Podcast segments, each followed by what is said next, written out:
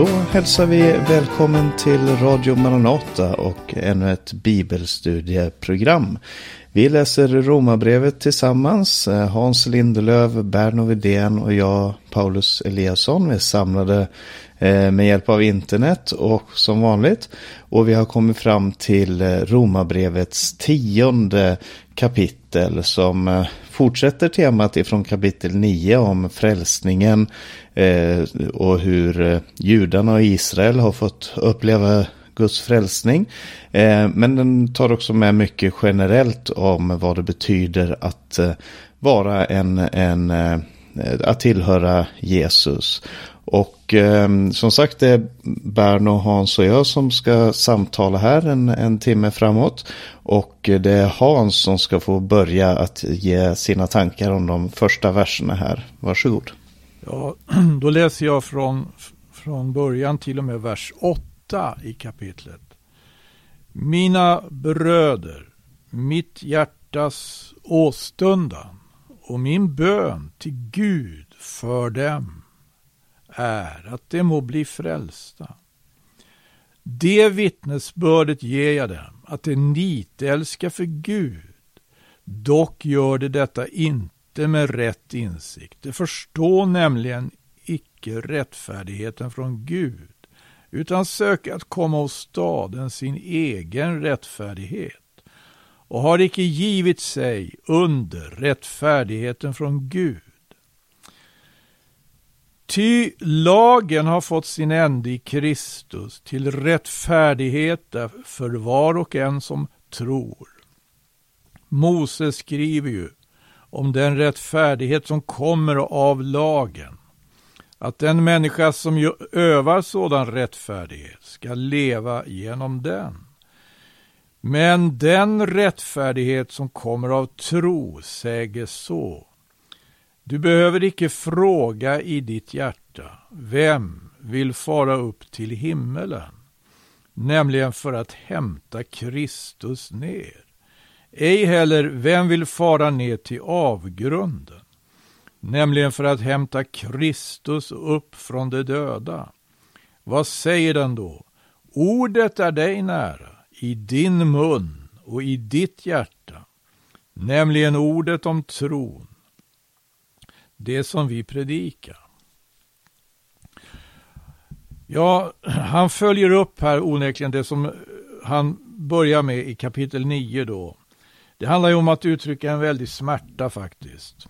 Och sorg och bedrövelse över att hans landsmän, det judiska folket generellt, har blivit eh, så att säga förstockade för evangelium. Men han få fram verkligen här att det är hans hjärtas åstundan och bön till Gud att de ska bli frälsta.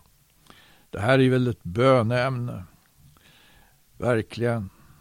För människor, man lever ibland, att människorna ska bli frälsta. Det här kapitlet är väl överhuvudtaget väldigt mycket ett kapitel om evangelisation.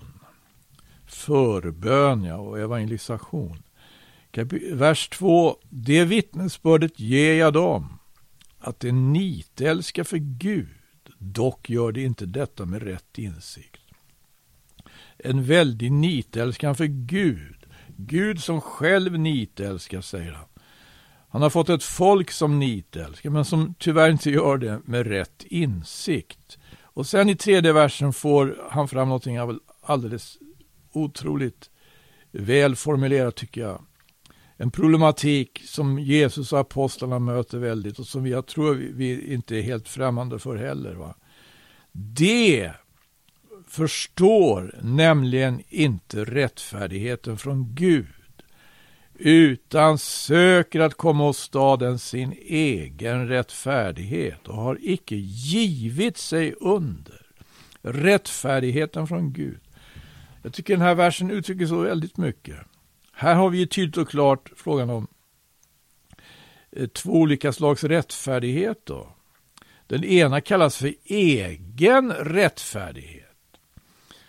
Man strävar efter att försöka komma fram till det, en egen rättfärdighet. Det här problemet är verkligen inte över med skriftlärda och fariseer. på den tiden, utan det har ju fortlevt genom historien. Och det har varit nödvändigt per, gång efter annan i historien att ta upp det här, den här kampen mot st eh, den, denna strävan att komma åstad, än sin egen rättfärdighet. Till skillnad från vad då? Jo, till skillnad från att ge sig under rättfärdigheten från Gud. Visst uttrycker det här väldigt mycket. Det handlar ju om, om skillnad mellan överlåta, att överlämna sig åt Gud eller att jobba med sig själv. En väldig massa eh, för att, för att så att säga fram, få, fram, för få fram en egen rättfärdighet. En egen rättfärdighet, ja, men den eh, rättfärdigheten eh, ska man liksom också då försöka komma fram till med hjälp av lagen. Men till skillnad från att göra det, till skillnad från denna strävan så finns det alltså en överlåtelse åt Gud. Ge sig, att ge sig under rättfärdigheten från Gud. Hur ser det ut? Jo, då, då kommer han till skillnaden, eller förhållandet mellan Jesus Kristus och lagen och skriver så i fjärde versen. Att lagen har fått sin ände i Kristus till rättfärdighet för var och en som tror. Och vi som har kollat upp det här, vi vet ju att grundtextens ord är telos. Och att det här går att översätta som att lagen har fått sitt mål i Kristus. Men jag undrar varför nästan alla översättningar jag tittar på här, de har det här uttrycket änden i Kristus. Lagen har fått sin ände i Kristus till rättfärdighet för var och en som tror. Och när jag begrundat detta så undrar jag om inte en, en, en verklig en, eh, god översättning av detta skulle kunna vara deadline. Lagen, det är ju ingen översättning till svenska, men det är ett uttryck som jag tror vi är bekanta med. Va? Lagen har fått sin deadline i Kristus till rättfärdighet för var och en som tror. Oj, vad handlar det här om? Förhållandet mellan Kristus och lagen. Hur ser det ut med den saken? Jo, i femte versen, Mose skriver ju om den rättfärdighet som kommer av lagen. Att den människa som övar sådan rättfärdighet ska leva genom den. Mose skriver onekligen om den rättfärdigheten. Det gör han till exempelvis i kapitel 3, i kapitel 18, ursäkta, i tredje Mosebok och i femte versen där det heter som så. Ja, ni ska hålla mina stadgar och rätter. Ty den människa som gör efter dem ska leva genom dem. Jag är Herren. Och profeterna går vidare på den här linjen. Till exempelvis profeten Hesekiel i 20 kapitlet i Hesekiels bok, i elfte versen skriver, då han klagar över avfallet, Israels avfall, jag kan läsa från tionde versen, så förde jag dem då ut ur Egyptens land och lät dem komma in i öknen. Och jag gav dem mina stadgar och kungjorde för dem mina rätter. Den människa som gör efter dem får leva genom dem. Och i Galaterbrevet i Nya Testamentet har också aposteln Paulus påmint om det här i tredje kapitlet, vers 11 och 12. Där han skriver att ingen i kraft av lag blir rättfärdig, rättfärdig inför Gud. Det är uppenbart eftersom det heter den rättfärdige ska leva av tro. Men i lagen beror det inte på tro, tvärtom heter det den som gör efter dessa stadgar ska leva genom dem. Och jag måste säga att just det här som faktiskt står i lagen, att den människa som övar sån rättfärdighet, den, den rättfärdighet som kommer av lagen, ska leva genom det. Det är en väldig utmaning. Att eh, hur förhåller det sig det här? Galaterbrevet hjälpte oss kanske en aning. Eh, Men, skriver han, i lagen beror det inte på tro. Men i lagen beror det inte på tro. Tvärtom, heter det. Den som gör efter dessa stadgar ska leva genom dem. Skulle det alltså att göra efter lagens stadgar och bud Eh, vara någonting helt annat än att tro? Ja, det är ju precis det som han här eh, vill visa på, att eh, det så lätt kan bli. Va? Att man då försöker komma åt staden sin egen rättfärdighet. Det finns ett men också här i framställningen i Romarbrevet. När han har påmint om just det här ordet, att den människa som övar sådan rättfärdighet, den rättfärdighet som kommer av lagen, ska leva genom den. Då följer det upp, då, följer, då fortsätter han i sjätte versen direkt med ett men. Men den rättfärdighet som kommer av tro säger så. Du behöver inte fråga i ditt hjärta. Vem vill fara upp till himmelen, nämligen för att hämta Kristus ner? Ej heller vem vill fara ner till avgrunden, nämligen för att hämta Kristus upp ifrån de döda. Vad säger den då? Ordet är dig nära i din mun och i ditt hjärta, nämligen ordet om tron. Det som vi predikar. Så säger alltså den rättfärdighet som kommer av tro, till skillnad från den rättfärdighet som kommer av lagen. Och det, det är mycket intressant därför att det här citatet, det är ett citat, vers 6 till och med 8 här. Det är ett citat från femte Moseboks trettionde kapitel. Jag kan läsa som det heter därifrån elfte versen. Det står så. Ty det bud som jag idag ger dig är dig, är dig icke för svårt och är inte långt borta. Det är inte i himmelen så att du skulle behöva säga Vem vill för, för, för oss fara upp till himmelen och hämta det åt oss och låta oss höra det så att vi kan göra därefter. Det är inte heller på andra sidan havet så att du skulle behöva säga Vem vill för oss fara över till andra strand, till andra sidan havet och hämta det åt oss och låta oss göra det, höra det så att vi kan göra därefter. Nej, ordet är dig mycket nära i din mun och i ditt hjärta så att du kan göra därefter. Det här alltså säger den rättfärdighet som kommer av tro. Men vad, vad, vad, vad är det nu det här då? Det finns en rättfärdighet som kommer av lagen. Och då heter det att den människa som gör därefter ska leva genom den. Det finns en rättfärdighet som kommer av tro. Och då citerar han femte Mosebok. Jag tycker det här är oerhört. Då visar det sig att frågan om det här budet som Gud ger, det är liksom en fråga då om någonting som är långt, långt uppe. Är det långt, långt på djupet nere, långt, långt borta? Men nej, det är dig nära, står det. Ordet är dig mycket nära i din mun och i ditt hjärta. Varför skulle det här vara någonting som eh, kommer av tro då och inte av, eh, av, av gärningar? Jo, därför att han säger så här, ordet är mycket nära i din mun och i ditt hjärta. Han säger inte ordet är mycket nära, det står ju på tavlorna av sten. Varsågod och läs. Nej, här är det någonting som inte handlar om tavlorna av sten trots allt först och främst. Utan det handlar om eh, Kristus. Det är precis det det handlar om. Det handlar om Kristus.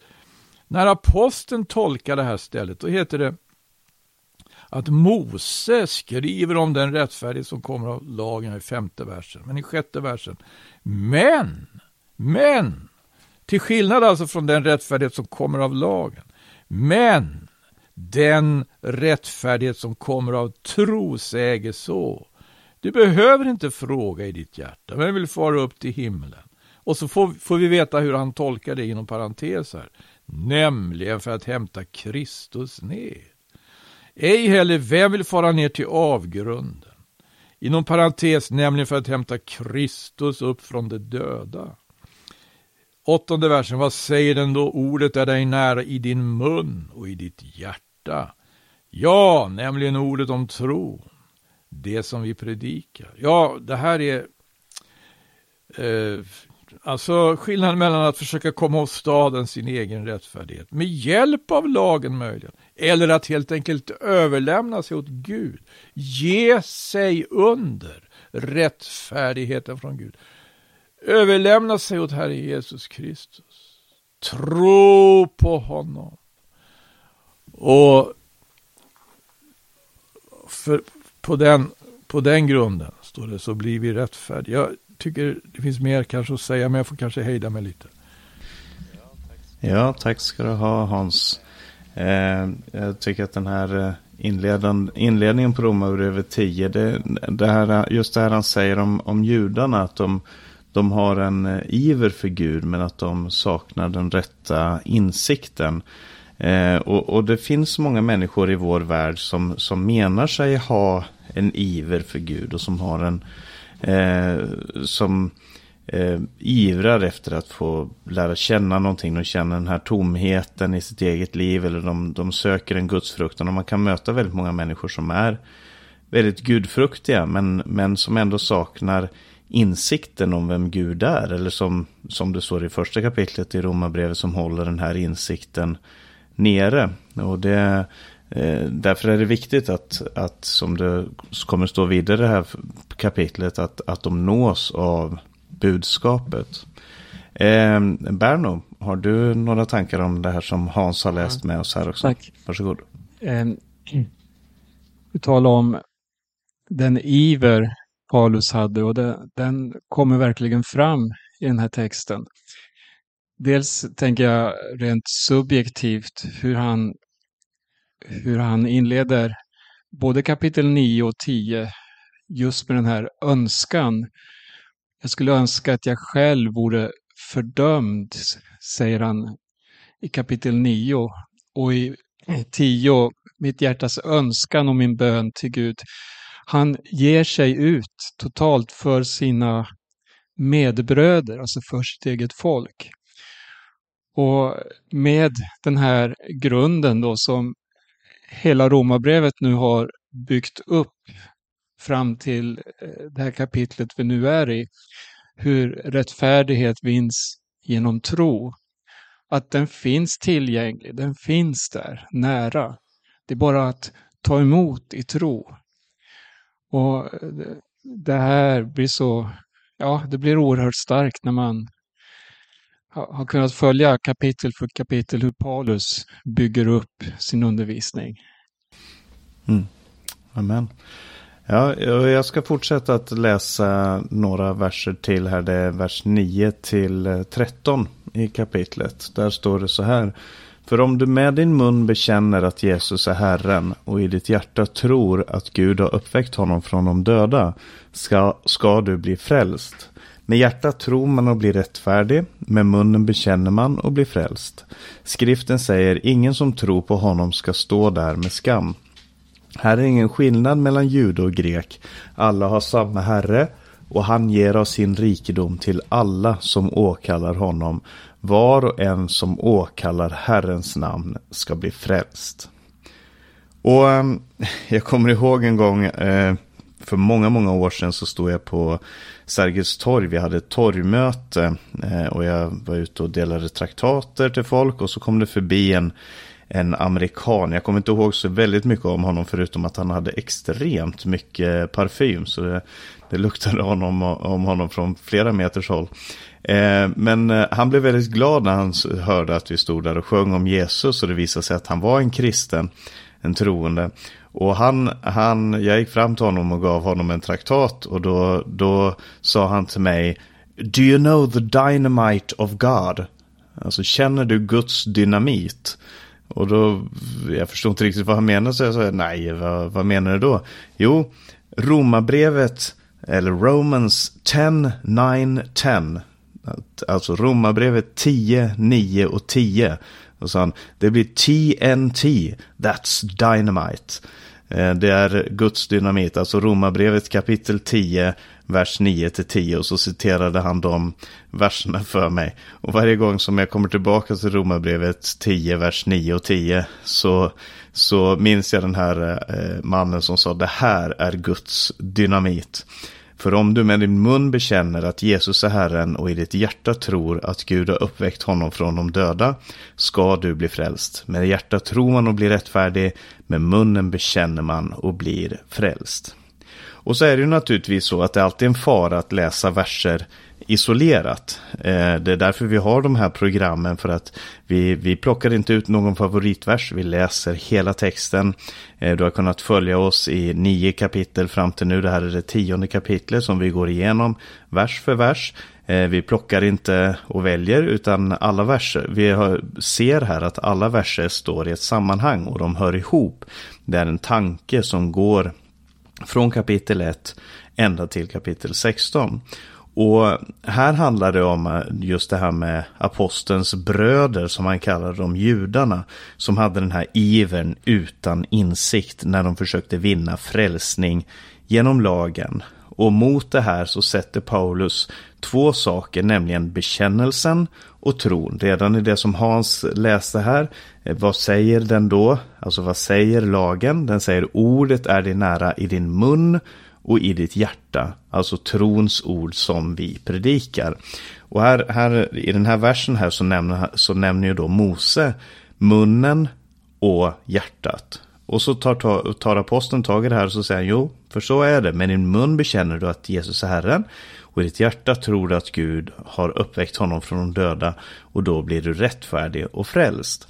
Och vad betyder då Bekännelse, vad betyder att bekänna med sin mun? Jo, i romarriket så förväntades det av alla romerska medborgare, alla som tillhörde riket, att de skulle bekänna kejsaren som herre. Det var en kejsarkult som växte sig starkare och starkare under den första kristna församlingens tid. Man skulle bekänna Kaiser Kyrios på grekiska som betyder kejsaren är herre. Samtidigt som man tog en bit rökelse som man kastade i en eld och det räknades som tillbedjan av kejsaren och då hade man visat att man var lojal. Och därför så är det väldigt revolutionerande när Paulus säger att vi bekänner Jesus som Herre, Jesus Kyrios, mitt i Rom. Han skriver till en församling som befinner sig i Rom, i samma stad som kejsaren befinner sig. Eh, lite beroende på när det här skrivs så, så är det kanske kejsare Nero eller hans efterträdare som, som, eh, som är kejsare i Rom.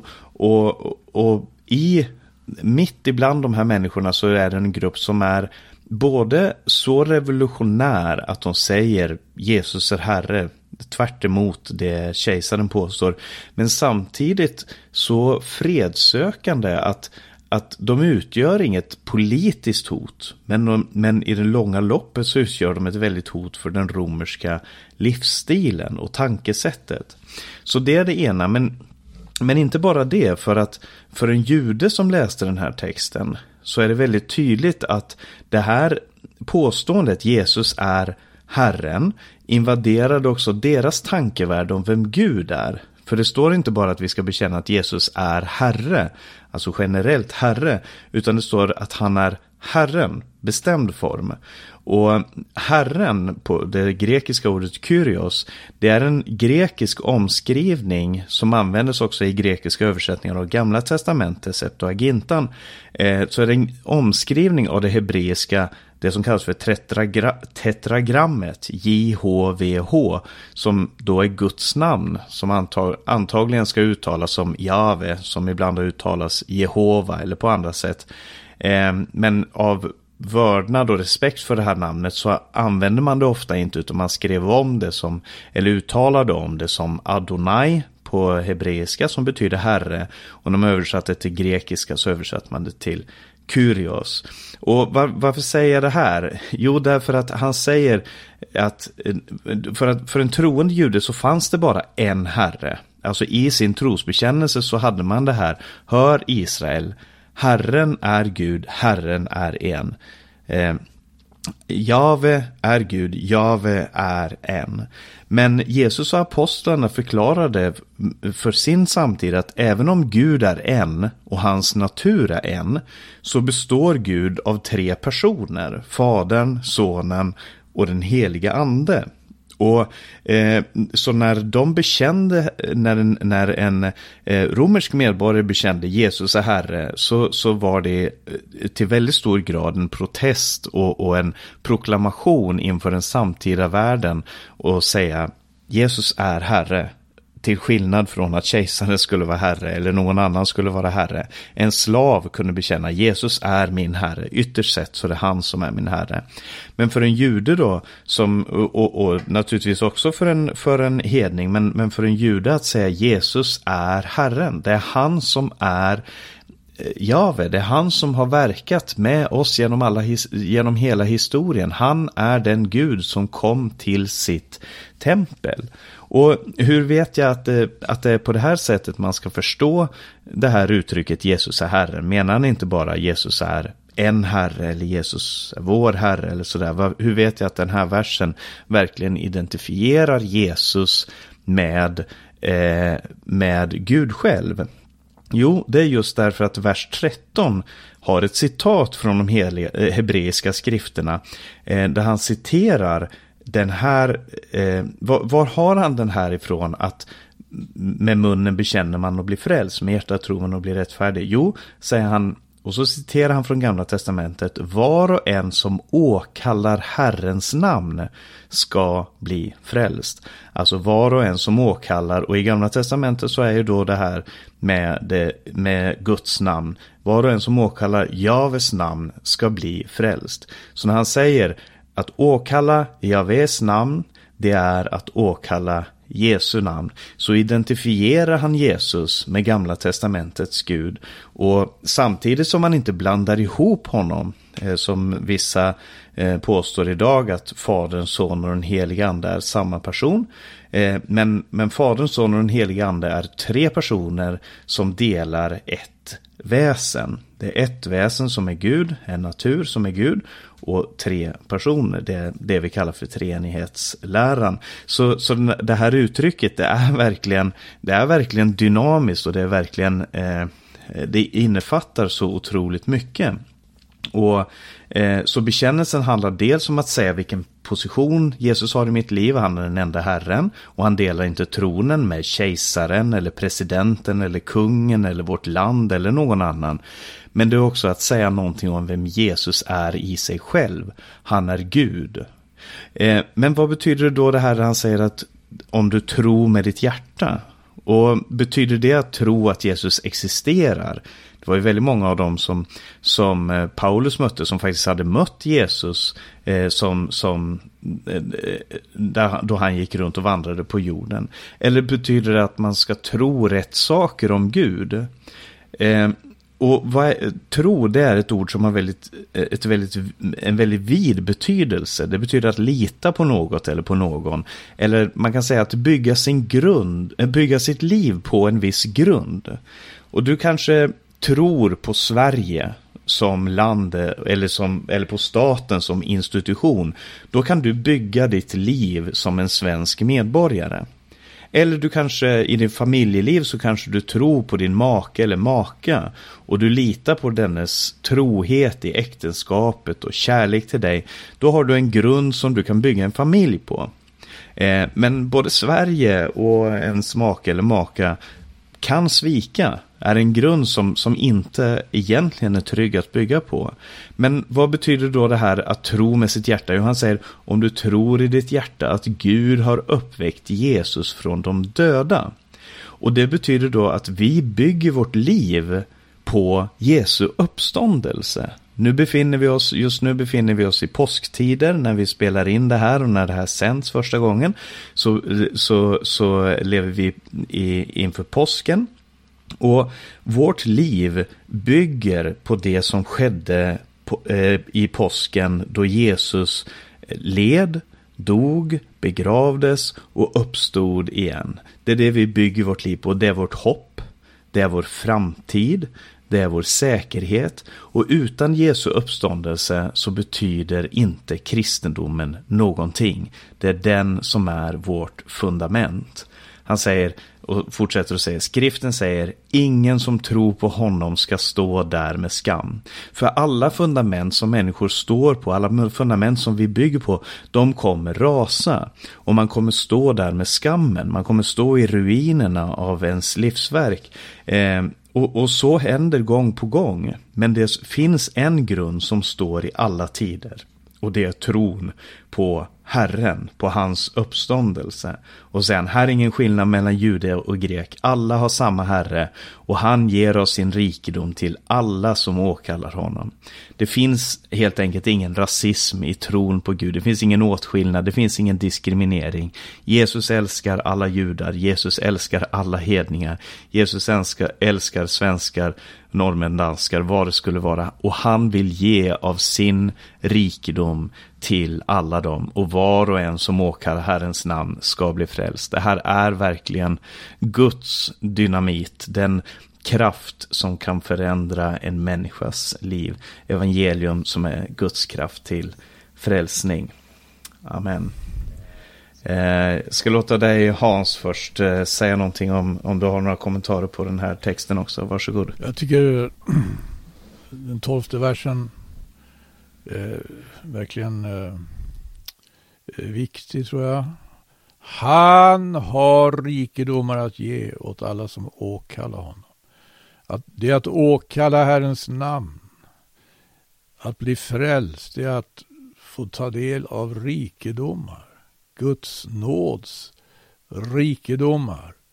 Och den Jesus det handlar om är eh, den, den Herre det handlar om att åkalla, det är alltså Jesus. Och det är eh, sant. Det är du kom in på, tyckte det var väldigt fascinerande hur viktigt det här var för de först, den tidiga kristna församlingen i Rom. Att bekänna att Jesus var Herre, det, det, liksom, det var någonting, det var en manifestation. Det var inte bara ord. Amen. Eh, Berno, har du några tankar innan du tar oss vidare i slutet av kapitlet? Varsågod. Hela det här kapitlet eh, bygger upp eh, en enorm undervisning då som visar hur frälsningen finns tillgänglig för var och en. Det, vi inledde med att se Paulus oerhörda önskan om Israels frälsning de som ansträngde sig för att uppnå rättfärdighet genom sina gärningar. Och sen eh, det här Paulus läste då, de här så kända bibelverserna som, som jag, jag minns sen, sen jag var litet barn i söndagsskolan och i möten man var, många vittnesbörd läste just de här verserna och de har ju faktiskt en enorm betydelse. Då, när man läste så att det här att var och en som åkallar Herrens namn ska bli frälst. Det, det, det var så enkelt, det var så klart och tydligt. Och, här, och nu, och det vi har hört i det här programmet också, så inser man ju att det här var ju en så djup eh, bekännelse, en så djup åkallan som förde med sig oerhörda resultat eller konsekvenser i livet, förändringar. Och Så att, eh, att ha allt inom räckhåll genom tro, rättfärdighet genom tro, det, det, det kommer så tydligt fram här i Paulus undervisning. Eh, nu ska jag läsa från vers 14 och vi ska se hur den här tron den fanns tillgänglig men de tog inte emot den. Och de har ju både hört och förstått. Och så faller ju deras otro på ett sätt över dem själva. Alltså de som Paulus riktar sig till mest här i eh, det här kapitlet. Då. Vi läser från vers 14. Men hur ska de kunna åkalla den som de inte har kommit till tro på? Och hur ska de kunna tro på den som de inte har hört? Och hur ska de kunna höra om ingen predikar? Och hur ska några kunna predika om de inte blir utsända? Som det står skrivet. Hur ljuvliga är inte stegen av dem som förkunnar det goda budskapet? Men alla ville inte rätta sig efter evangeliet. Jesaja säger Herre, vem trodde vår predikan? Alltså kommer tron av predikan och predikan genom Kristi ord. Men nu frågar jag, har de kanske inte hört? Jo då, deras röst har gått ut över hela jorden, deras ord till världens ändar. Jag frågar också, har Israel kanske inte förstått? Först säger Mose, jag ska väcka er avund mot ett folk som inte är ett folk. Mot ett folk utan förstånd ska jag väcka er vrede. Och Jesaja går så långt att han säger Jag lät mig finnas av dem som inte sökte mig. Jag uppenbarade mig för dem som inte frågade efter mig. Men om Israel säger han Hela dagen har jag räckt ut mina händer mot ett olydigt och trotsigt folk. Det var texten. Om vi backar lite, det, eh, verserna 11 och, och 13, så står det eh, universellt det här, ingen som tror ska komma på skam. Och, och var och en som åkallar Herrens namn. Alltså det här är något som gäller alla människor. Eh, från vers 14 här så går Paulus över till de som genom evangeli, predikan, erhåller frälsning. Eh, även om Paulus eh, tycks presentera då generellt för alla så är det ändå bra att tänka på att just de här kapitlen 9 till 11 har speciellt Israels framtid i fokus.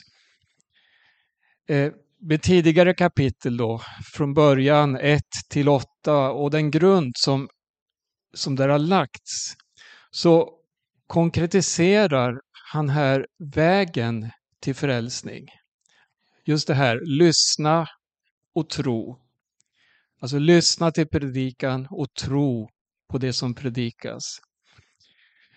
Och eh, så tänker jag på judarna som är då det utvalda folket framför alla andra folk. Och trots den här undervisningen och trots allt de har fått höra så nekar de ändå. De, de tar inte emot i tro det som sägs. Bevisen fanns där. De var väl presenterade genom ordets förkunnelse. Och så ser vi den här paradoxen då att eh, de som tidigare var exkluderade, alltså hedna folken, nu står de där som mottagare. Och eh, eh, jag tänker på, på en händelse under Paulus och Barnabas första missionsresa där det beskrivs när de var i Pisidien, Antiochia, det står så här i Apostlagärningarna 13.46. Då svarade Paulus och Barnabas frimodigt. Guds ord måste först förkunnas för er.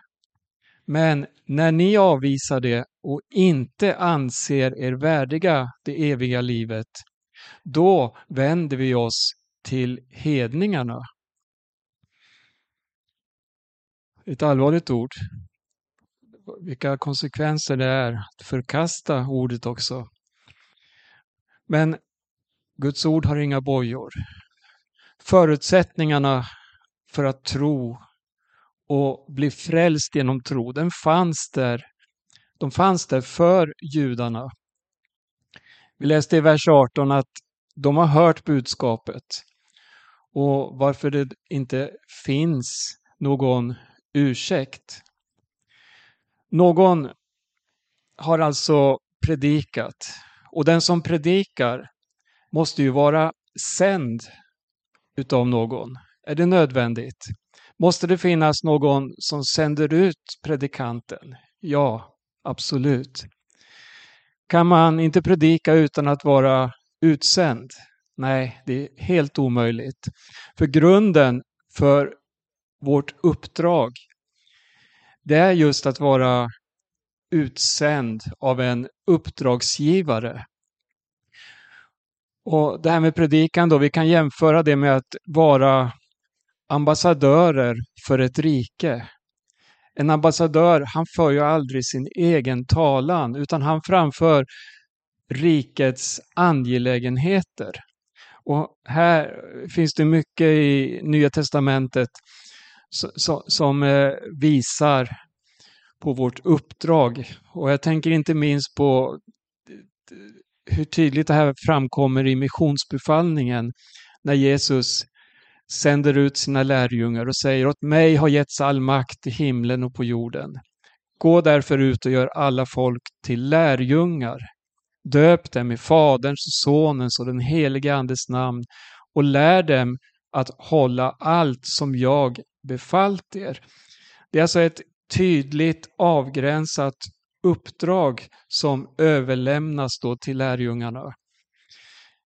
Eh, Jesaja 52 lyfter ju fram det här då som vi läste i texten också. Det här med budbäraren. Alltså hur ljuvliga är inte glädjebudbärarens steg när han kommer över bergen och förkunnar frid, bär fram goda nyheter och förkunnar frälsning och säger till Sion, din Gud är kung. Det är ett befrielsens budskap från Jesaja 52 som Paulus citerar. Sen har vi Jesaja 54 som också presenterar ett glädjande och ett nåderikt budskap. Men däremellan så har vi också Jesaja 53. Och där läser vi om Messias lidande och död. Och det är här vi har nyckeln då till att frälsningen når fram till alla folk. Det är nog inte för intet som det här Jesaja 53 också kallas för det förbjudna kapitlet. Alltså man vill helst inte läsa det, citera det, för det är så avslöjande, det är så avklädande. Den som förkunnar det goda budskapet, han gör ju inte det på egen såld. Han står inte heller över budskapet. Han är själv också i behov av frälsning. Och Då tänker jag på något som Paulus uttrycker i Andra Korinthierbrevet 5 och 20. Där det står, vi är alltså sändebud för Kristus och Gud vädjar genom oss. Vi ber på Kristi uppdrag. Låt försona er med Gud. En ambassadör, ett sändebud för Kristus med ett speciellt budskap där också predikanten själv inkluderas. Att bli försonad med Gud. Sen i vers 15 så läste vi om stegen, fotstegen. Hur ljuvliga är inte stegen av den som förkunnar det goda budskapet. Och Det här är också en uppmaning till Eh, en, en missionsbefallning. Just fotstegen talar ju om att budbäraren går ut. Han stannar inte i, i sina hyddor eller i sin lokal där man ska predika för varandra och njuta av frälsningen, utan det är en tydlig uppmaning att gå ut där människor finns. Den heliga Ande har vi ju fått.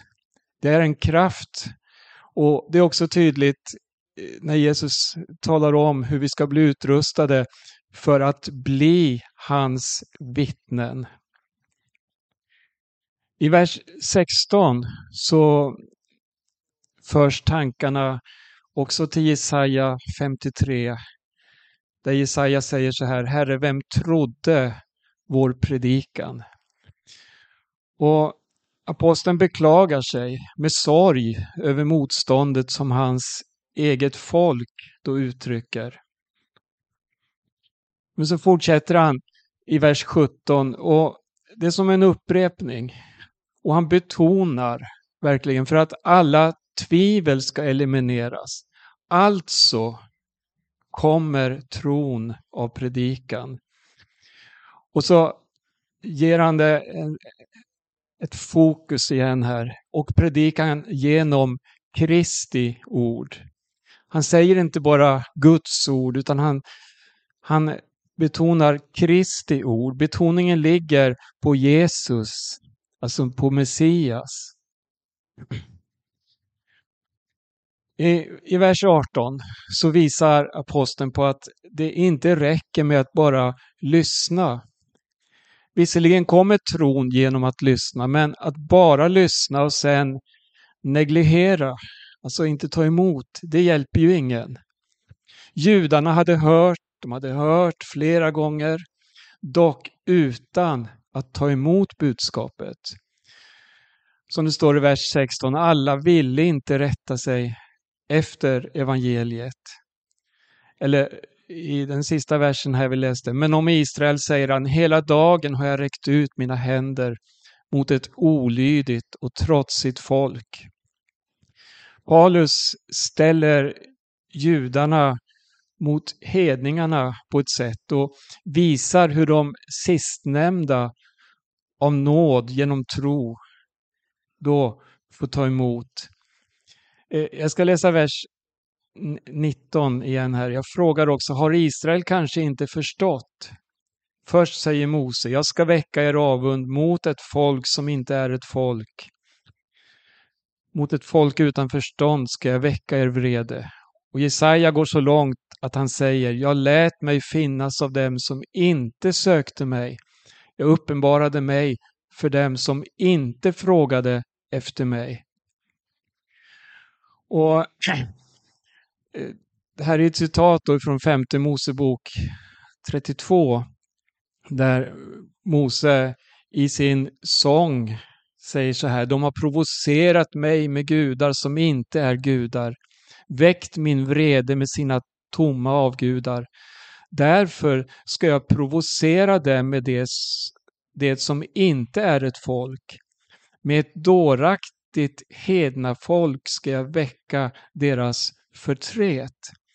Jag tycker man ser i hela handlingsmönstret här att syftet som Gud har när han provocerar på det här sättet, väcker avund, det är ju att föra sitt folk tillbaka. En, en, en konklusion, och jag ska avsluta med det här. Gud har inte övergett sitt folk. Trots olydnad och att man har förkastat Guds utsände. Så framkommer det här i texten också, det här ihärdiga i Guds uppsökande kärlek. I vers 21 säger han, hela dagen har jag, alltså, alltså oavbrutet, alltid räckt ut mina händer. Och vad är det? Jo, en gest av välkomnande, ett erbjudande om nåd, frihet, frälsning till ett folk som så tydligt förkastat Messias. Och det här förkastandet som eh, den bibliska historien talar om, det fortsatte under Paulus tid, som vi kan läsa om här, och även i våra dagar. Om vi ser på antalet judar som idag har tagit emot evangelium och vänt om till Jesus, så är det ett försvinnande fåtal.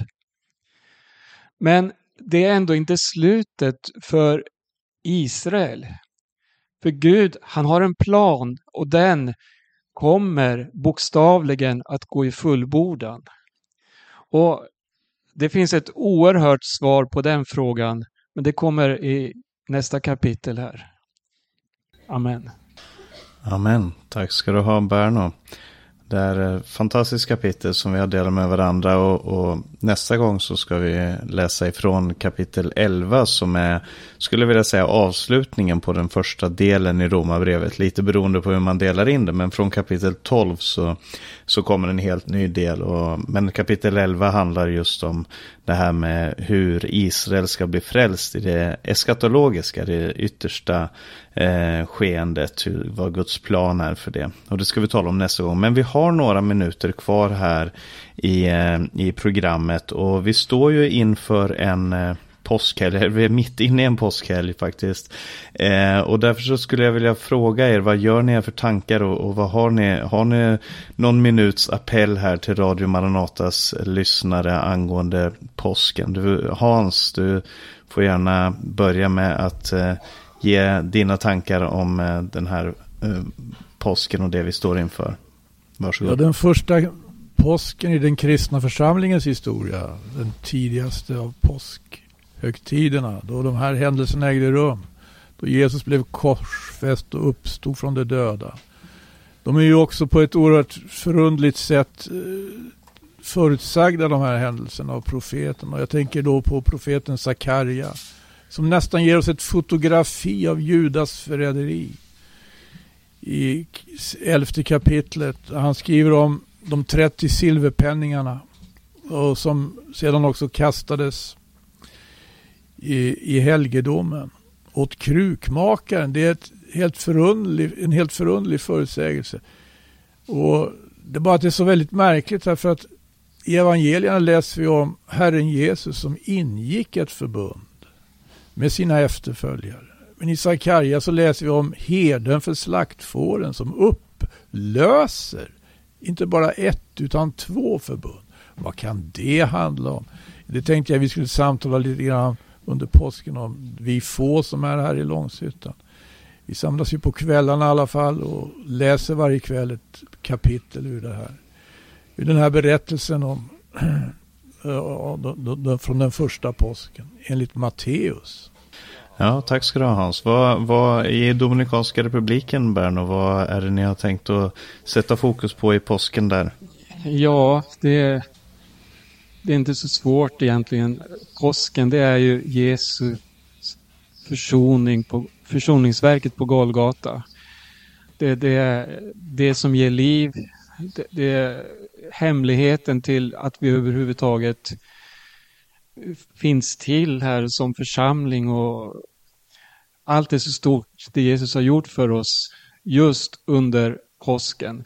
Här, här i Dominikanska republiken så är det väldigt mycket eh, religiöst blandat med hedniskt, eller hur man ska säga. Det är mycket katolska processioner och, och ute på gatorna så kan man se hur man har stora tåg där man bär fram då de här olika eh, avbilderna, dels av Jesus, dels av Maria, men också av Judas Iskariot som något riktigt avskräckande. Men eh, det är religionen och deras sätt att uppmärksamma påsken. För oss handlar budskapet om helt enkelt att peka på Jesus och det han gjorde. Han blev genomborrad för våra brott, slagen för våra synder. Straffet blev lagt på honom för att vi skulle få frid och genom hans sår är vi helade.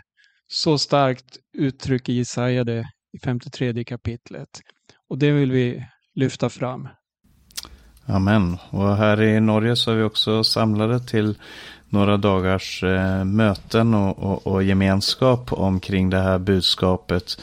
Som, eh, som Berno och Hans har nämnt här om Jesu död och uppståndelse, om försoningen. Och eh, jag har eh, just förberett en predikan för, för ikväll. Där jag ska tala om Jesu bön i Johannes kapitel 17. Och hur hans hur han når fram till härligheten genom i sitt lidande och genom sitt lidande och hur han förhärligar Fadern och hur Fadern förhärligar Jesus genom hans, eh, eh, genom hans kärlek i, i döden. Och um, vi ska se på just det här hur, eh, hur, det, hur Gud också kallar oss in i det, i det livet som det betyder att, att uh, dagligen ta sitt kors på sig och följa Jesus. Att, att eh, välja det här livet tillsammans med honom. Som aposteln Paulus säger, jag är korsfäst med Kristus. Det finns en gemenskap i påskens budskap också. Och med de hälsningarna så får vi eh, säga ett stort tack till dig som har lyssnat till Radio Maranata idag.